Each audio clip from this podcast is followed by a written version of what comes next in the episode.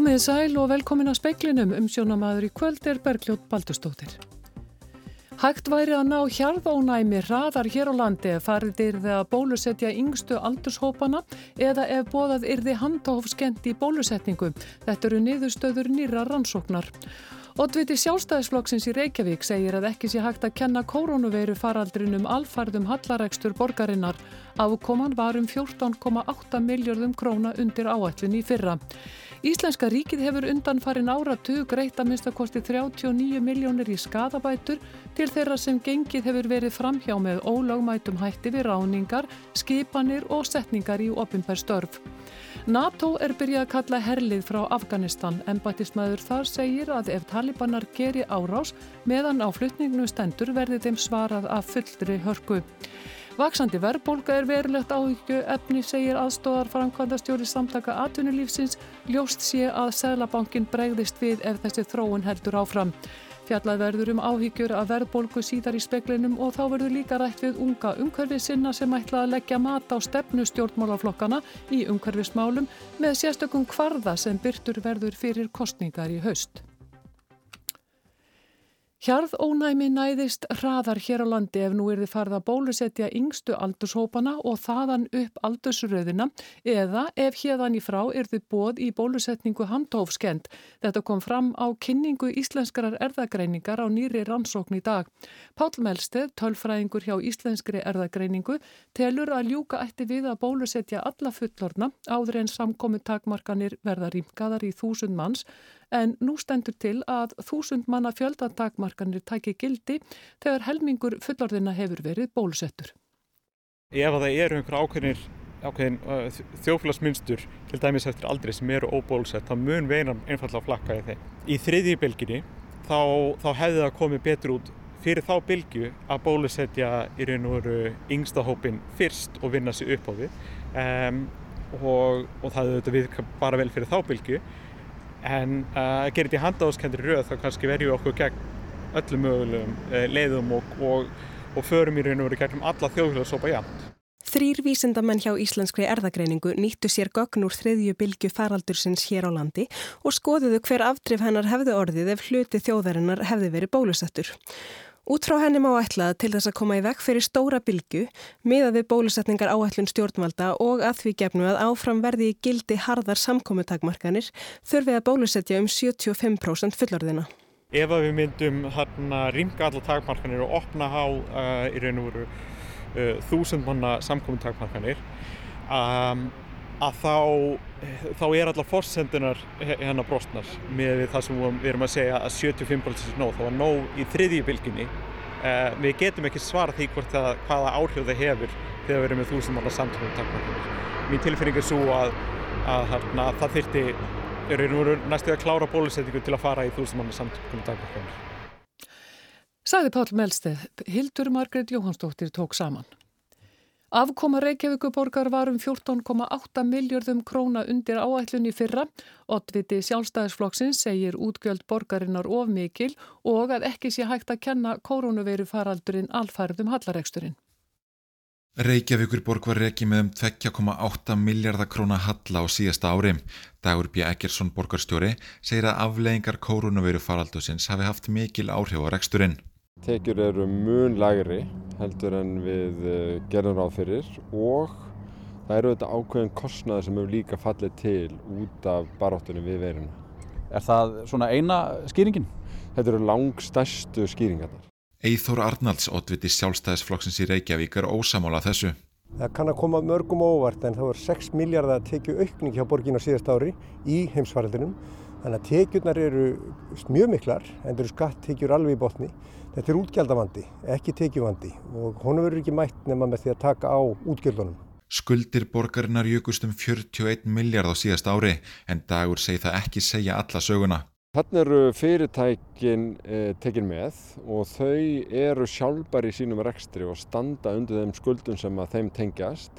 Borgarsjóðu sjálfur uh, að uh, þar eru skuldir sem hlutallar tekjum með því legsta sem við þekkjum uh, á höfuborgarsvæðinu og þetta er ástæðan fyrir því að borgin getur tekist af svona miklum krafti á við afleiðingar af COVID. Saði Dagubbi Eggertsson, Yngvar Þór Björnsson tók saman. Íslenska ríkið hefur undan farin áratug greitt að minnst okkosti 39 miljónir í skadabætur til þeirra sem gengið hefur verið framhjá með ólagmætum hætti við ráningar, skipanir og setningar í ofinbjörnstörf.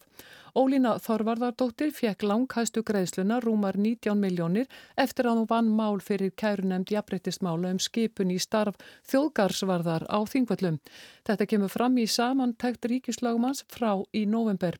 Þar vantaði inn næsthæstu greiðsluna 8,5 miljónir sem hæstir réttur dæmdi Jóni Höskuldsinni dómara vegna landsréttarmálsins nú í ársbyrjun. Nánar má lesum þetta á rúf.is.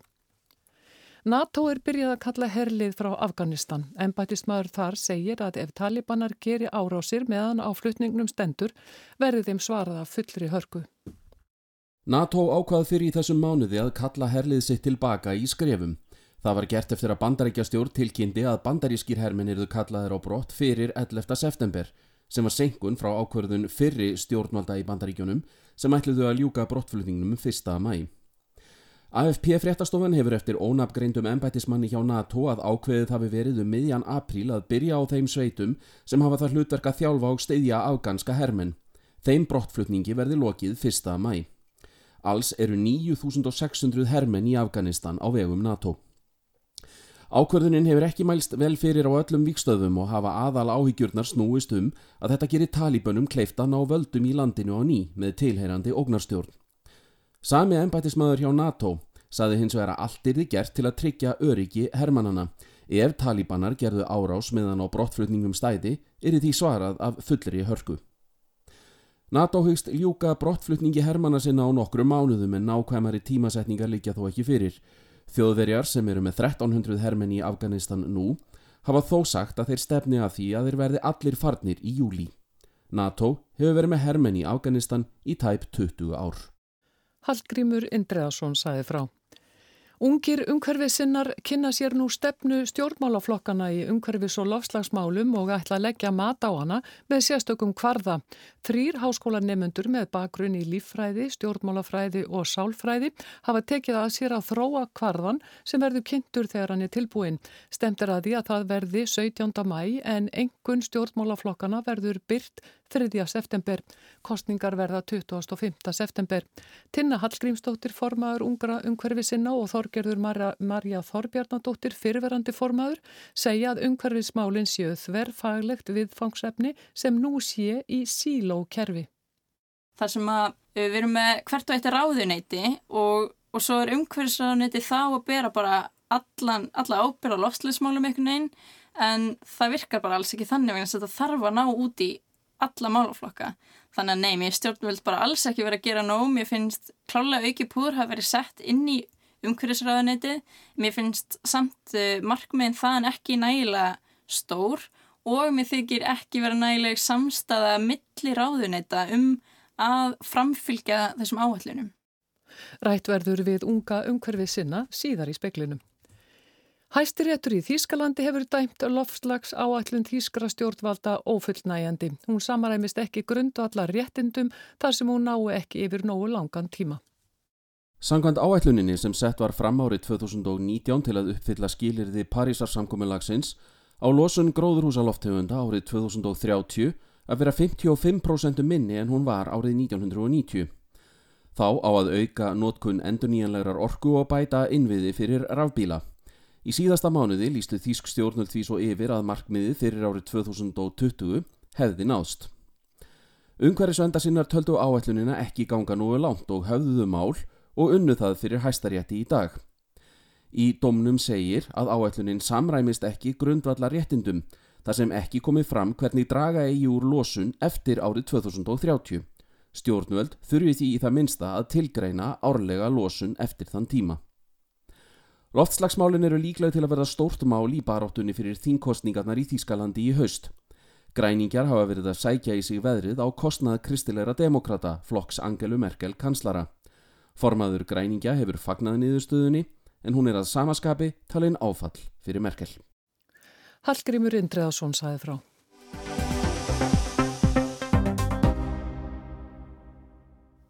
Aðstóðar framkvæmdastjóri samtaka atvinnulífsins segir að vaksandi verðbólga sé verulegt áhyggjöfni. Ljóst sé að Sælabankin bregðist við ef þessi þróun heldur áfram.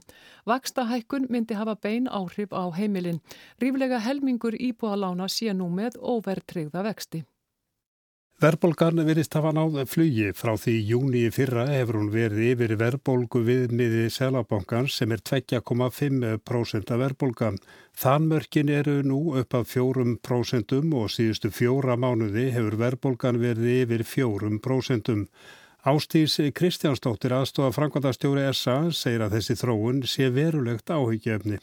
Já, við hefum áhyggjur af þessari þróun. Við hefum síðan núna að verbolgan hefur verið að aukast undanförnum mánuðum og nú er verðbólka talsvert yfir verðbólkumarkmiði Sælabankans. Uh, við erum hins vegar enn að upplifa efnahanslaka, það er samdróttur að, að mælast í hagkerju okkar og atunleysi er mjög hátt. Nú svo er ríkisjóður jafnframt reykjum með miklum hallar ekstri. Þannig að það væri mjög slæmt ef að, uh, við förum nú að missa verðstöðuleikan frá okkur. Því að við hefum ekki gleyma því að megin hlutur Sælabankans er að, að viðhalda hér verðbólku innan markmiðs og ef þetta er þróunin að þá getum við ekki annað séð en að Sælabankin munin nú fljóðlega þurfa að grípa til einhvers konar aðgerða. Það á eftir að komi ljós eh, hvort Sælabankin bregst við þessari þróun. Næsta vaksta ákvörðum bankans verður 19. mæ. En hvernig finnst Ástísi að bankin eigi að bregðast við á hann að hækka vexti? Ástísi er að Sælabankin hafi tvenskonar stjórntæki, vakstatæki og þjóðhags varúðartæki og sem dæmi erum við að sjá nú að, að þessi verðbólkur sem er að mæla smá fyrst og fremst reykja til uh, húsnæðismarkaðarins. Uh, þannig að jú, hann getur vissulega gripið til vaksta hækana en hann getur jafnframt beitt kannski magbundnum þáttum eins og til dæmis að breyta veðsetninga hlutvallinu Um, en það hins vegar uh, í þessu samingi mikilvægt að hafa í huga, nú eru við kannski á þeim staði í hagsveiflunni að við erum svona fljóðlega fyrir upplega efnarspata en þessi efnarspati verður mjög brótættur og okkamati væri þetta alls ekki ákjósunlega staða ef að segla myndi þurfa að grípa til til dæmis vaksta hækana því að það mun ekki aðeins hafa áhrif á fyrirtæki sem eru mörg hver í mjög viðkvæmuru stöð eins og sakir standa heldur jafnframt hefur mjög mikil áhrif á heimilin og sem dæmi er yfirlega helmingur af íbúðlánum heimila nú með óverðtriða vexti. Þannig að vaksta hækkanir Sælabankans munum býta mjög fast á til dæmis heimilin og hafa áhrif, bein, bein áhrif á greiðslipyrði heimila. Hún bendi líka á að launathróunin geti haft áhrif á verðbólguna ef hort er til næstu missera. Við erum að sjá það að laun hér á Íslandi hafa verið að hækkum 11% milli ára á fyrstu þrejum mánuðum þessa ás En sem komið er, eru við fyrst og fremst að sjá að, að húsnæðismarkarnir hafa áhrif á, á verðbólgu tölunar. En hins vegar vitum við það að þessi staða, að staðan í dag er mjög viðkvæm, eins og til dæmis um horfundi fyrirtækja, að launakostna þeirra er að hækka mjög mikið og fyrirtæki get, geta gripið til tvennskonar aðgerða, annarkvort hagrætti sínum rekstri eða, eða e, hækkað verðlag. Og nú þegar erum við að sjá að atvinnleysi er 11%. Þannig að við óttumst það að, að ef að, að laun er að hækka umfram undirleikiti vermaðasköpun að þá muni e, að, að þessar launahækkanir muni með öðrum, öðrum hætti koma fram, brótast fram í, í aukinni verðbólgu. Launahækkanir nú er í beinu sambandi við um samin laun ást því sér að samtök atunlýsis hafi vara við því haust að þessar launahækkanir gætu ógnað efnaðarslegum stöðuleika og efnaðarslegum bataðan. Laun á almenna markaði hafi hækkað um 8,4% og á ofnbæra launamarkaðinum um 14% og allt upp í 19%. Og þegar tveir þriði hluti, hluti vermaðasköpunar fyrir laun og launatengt gjöld þá held ég að það blasi við að, að þetta er mjög erfið staða, sérstaklega þegar vermaðasköpunin er að draga saman. Við erum nú þegar að upplega mjög hátt atvinnuleysi. Uh, verðbolga er 4,6% umfram verðbolgumarkmið Sælabankans En við gætum hugsanlega sé frekar í verbulgu þrýsting, sérstaklega við erum að fara að sjá að þessi launakostnað fyrir að brótast fram í hærra verðlægi. Hækkun íbúavers hefur mestu áhrifin á aukna verbulgum. Húsnæðiskostnaður hækkar með 2,5% sem veldur 0,4% hækkun neysluvísi tölunar. Næst kemur hækkun á mat og drikjaföru um 1,1%.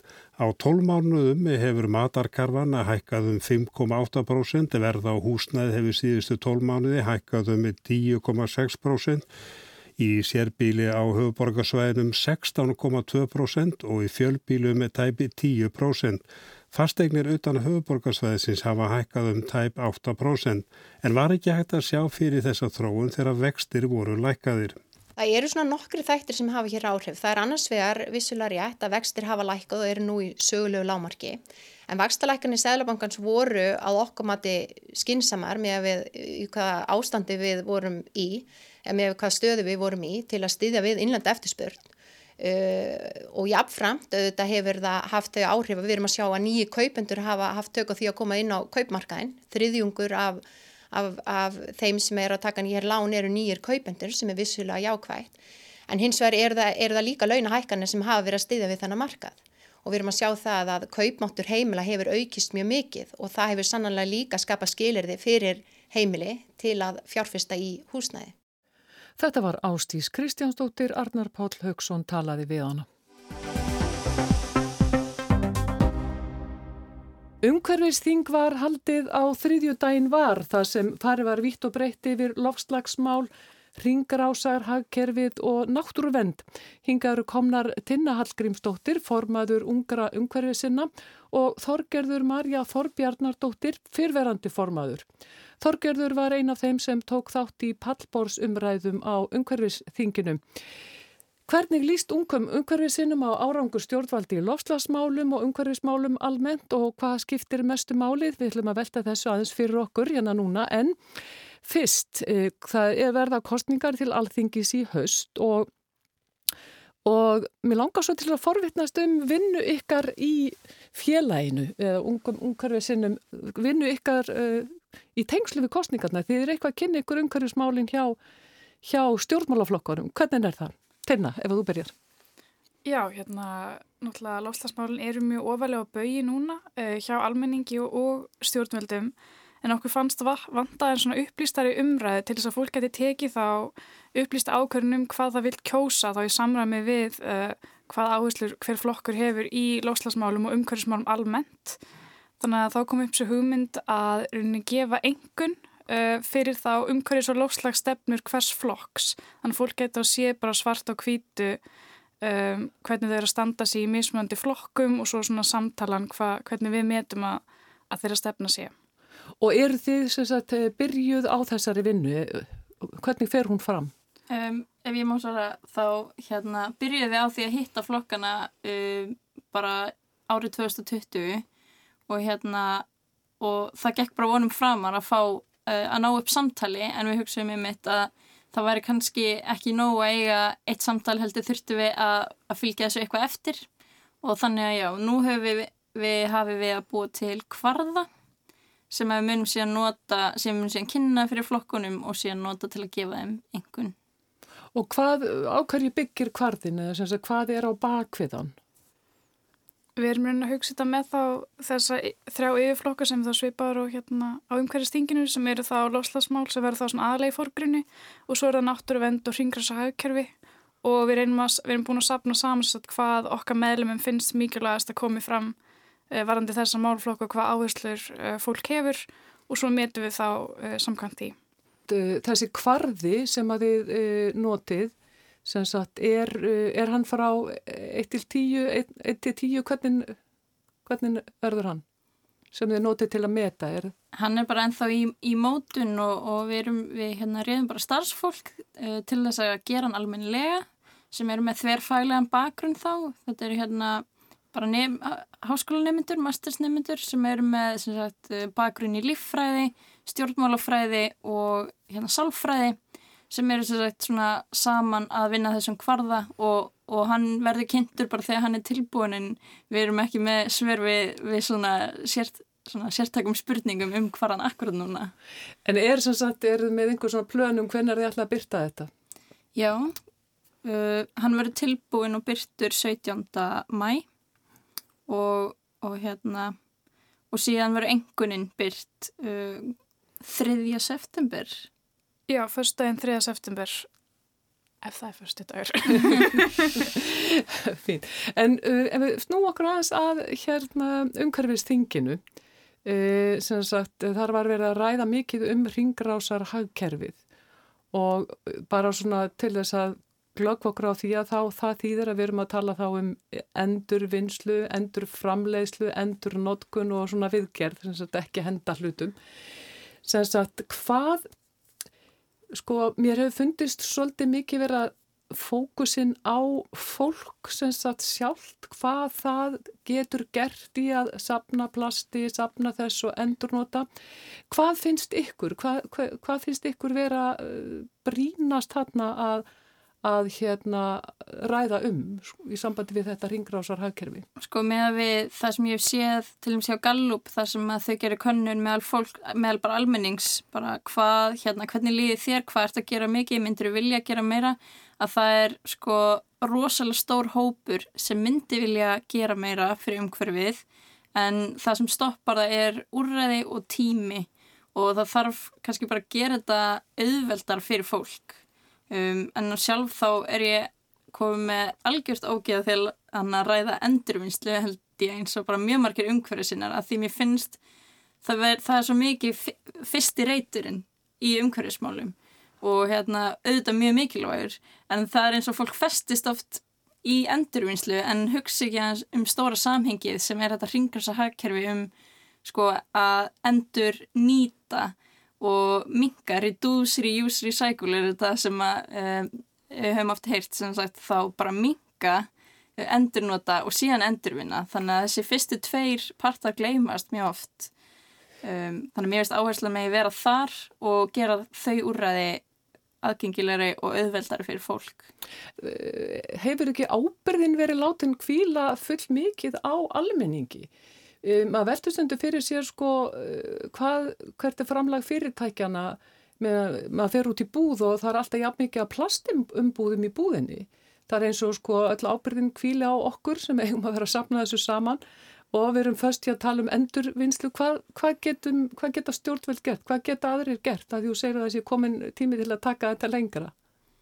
Já, bara hérna uh, sett reglur og, og, hérna, og lög og ekki vera ofrætt, mér finnst of, uh, stjórnvöldur ofrætt við að beita sko refsaðgeri með uh, kvötunum um, um bara plastnótkun, um kólefnisfótspor og, og annars líkt sem að myndi þá í rauninni gera hennum bara svona almenna borgara auðveldara að vera umhverfisvætt af þess að það þurfa að taka meiri tíma og meiri vinnu og peninga í það.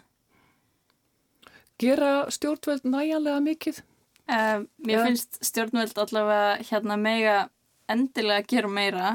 Um, í loftslagsmálum þá eru stjórnvöld alls ekki að standa sig og ég meina við sjáum núna að það er rosalega verið að fagna því að tími þess að við séum að fara upp í losun, það er verið að fagna honum að hann sé búinn. Uh, nú höfum við farið niður um 2%. Það er ekki hérna fagnarefni í mín eiru að við höfum farið niður um 2% á síðasta sérst árið 2019 um, af því að bara það er gæti þess að veri, jú það er einhverja aðgeri greinlega virka, kannski er þetta át af fleiri ramagsbílum um, og eða bara það er búið að vera minni ferðamenn en hérna með að við sko alvarleika ástandsins þá er 2% bara drópi í hafið og við þurfum að gera miklu meira og varandi ringræsahagkerfi, mér líður eins og það sé mikill vilji og fólk vil endilega segja hluti. Um, svo einhvern veginn strandar þetta oft líka í stjórnsíslunni, uh, Kapasend gerði úttækt á stjórnsíslunni og bara hefni stjórnvalda til þess að takast á við svona flóki verkefni sem er að breyta, við þurfum bara umbyltingu í samfélaginu og það strandar mjög oft á ýmsum svona stjórnsíslu stöðum eins og samskipti millir sveitafélag og ríkis og þetta er það sem þau hafa verið að tala um þetta er þverfælegt viðfangsefni í bara svona síl og kerfi þar sem að Eh, við erum með hvert og eitt ráðuneyti og, og svo er umhverfisráðuneyti þá að bera bara allan, alla ábyrða lofsleismálum einhvern veginn en það virkar bara alls ekki þannig vegna að þetta þarf að ná út í alla málaflokka. Þannig að nei, mér stjórnvöld bara alls ekki verið að gera nóg, mér finnst, uh, mér finnst klálega auki púður hafa verið sett inn í umhverfisráðuneyti, mér finnst samt uh, markmiðin þaðan ekki nægilega stór og mér þykir ekki vera nægileg samstaða milli ráðuneyta um að framfylgja þessum áhællunum. Hvað, uh, tölum aðeins svolítið um hérna orkumálinn. Uh, það var gefin út orkustefna núna í fyrir áramót held ég og, já, og hvað finnst ykkur um hana? Eru, eru Íslandikar uh, búin að setja þessa stefnu núna fram til 2050? Já, við hefum svo sannlega sett fram þessa stefnu en hvað þýðir þessi stefna? Ég get sagt að hún þýðir nákvæmlega ekki neitt. Um, ég var fyrir miklum vanbröðum þegar ég sá þessa stefnu vegna þess að ég hafi verið að kalla eftir því að við hefðum að þessi stefna tæki eitthvað til uh, hvað að búa til mikið ramagn hvað ætlum við að nota mikið ramagn í stórnotendur, stór yðju og séðan gagnaver, hvað ætlum við að hafa mikið til hliðar fyrir ramagnsbíla uh, það var ekkert engin stefna yfir þetta, það stóð bara mjög oft eitthvað mjög flott og háflega orð eins og sjálfbarni og, og grænt hagkerfi og eitthvað svona, græn orka. En hérna, svo talaðum uh, kólefna eldsneidislist Ísland 2050 en ég veit samt að það eru fyrirtæki sjávorút við að kaupa skip núna sem ganga fyrir uh, kólefniseldsneiti sem þau koma alveg til með eiga ennþá eftir 30 ár þannig að það er eins og það, það fyrir að segja allir ábyrðinni af þess að þetta er svo markmið svo langt í framtíðinni og það eru engin milliskref og það eru engin tölusett viðmið og þá er rauninni þýðir þetta ekki neitt Þannig að jú, þetta var kannski skrefi rétt að átt en tími þessara smá skrefa í rétt að átt er bara löngu liðin í umhverfismálum. Að... Vanda tölurnar þá í uh, stefnuna? Já, það er bara það, þegar ég spurði hvort að hérna, ég spurði aðeins, spurðist fyrir þegar þetta kom fyrst út, já, er eitthvað svona viðmið um hvað við ætlum að venda þá mikið að landsón, hvað ætlum að nýta mikið í orkuvinnslu, er það eitthvað partur af stefnunni? Það var náttúrulega bara benda rammaállin, en rammaállin sem sagt segir okkur hvað er hægt að nýta og hvað er ekki hægt að nýta á náttúruvendasjónum en rammaáallin segir ekki til um hvað við þurfum ekki rammagn og það er það sem ég var að vonast eftir að orkustefnar myndi segja svo við þurfum ekki að virka og skemma eitthvað landsvæði fyrir rammagn sem þurfum ekki á að halda Hafið þið eh, hjá ungum umhverfið sinnum einhverja svona hugmyndur um hvað þið viljið að hvaða skref verðið tekinn til þess að bæta stöðuna? Um, já, við myndum vilja sjá skýra afstöðu hjá stjórnvöldum uh, hvort ef við ætlum okkur að vera að virka meira þá í, í þá stónutenda eins og við erum að tala um þá stóriðina um, og svo þá þessi gagnaver og, og kísil, uh, kísilversmur og svo þá eins og til dæmis um, rafmyndar námugröft sem er núna í miklum uppgangi. Myndi vel að sjá, ætlum við okkur uh, að, að virka í þá þess aðalega hver, hver er stefnan, Hva, hvað er langtíma planið? Uh, af því að bara, því við erum farin að tala um sko ramma áallun sem að og það verður þáttur í kvöld. Uh, kveikur verður með, með umfjöllunum sem sagt að, að, að það stefnir allt í það að, að þriði áfangi ramma áallunar verði ekki afgreitt, það er sem sagt óvisa um hvort hún verði afgreitt frá þinginu í núna fyrir kostningar Hvað finnst ykkur um, um það? Stöðuna, þessi ramma áallin er búin að vera svona eins og hún sé í geimslu fyrir í áfangin. Já, þetta er kannski svipa bara með lofslagsmálinn. Það er komin aðgerra áttin í lofslagsmálum en hún er ekki lagfest uh, ef þú ætlar að setja fram ramma áallin og síðan nærðaldra lagfestana þá, þá er engin bein ábyrg sem hægt er að skilda fólki að fara eftir henni. Þannig að það er ekki gott ef að hún fer ekki gegnum þingið og, hérna, mér finnst þetta að vera eitthvað sem að uh, sem þarf að taka föstum tökum að lögfesta svona markmið sem að, sem að eru með framtíðarplan vegna þess að annars þá getur bara næsta ríkistjórn eða ef að einhverju sviftivindar verða í samfélaginu að þá er hægt að henda þessu út um gluggan og það þá bara fyllt að vinnu fann til einskis og þá er ekkert hægt að stóla á þessar aðgerðir. Kærar þakki fyrir komuna Tinna Hallgrímsdóttir, formaður ungar umhverfið sinna og Þorgerður Marja Þorbjarnadóttir, fyrverandi formaður. Kærar þakkir. Takk fyrir. Takk fyrir. Veðurhorfur, hæg vextlægi eða breytileg átt í dag, þurft og bjart á norður og östurlandi en skíjað í öðrum landslutum og sumstaðar dálítil væta. Hiti fjögur til tíu stig að deginum. Fleira er ekki í speiklinum í kvöld. Jón Þór Helgarsson sendan út. Verðið sæl.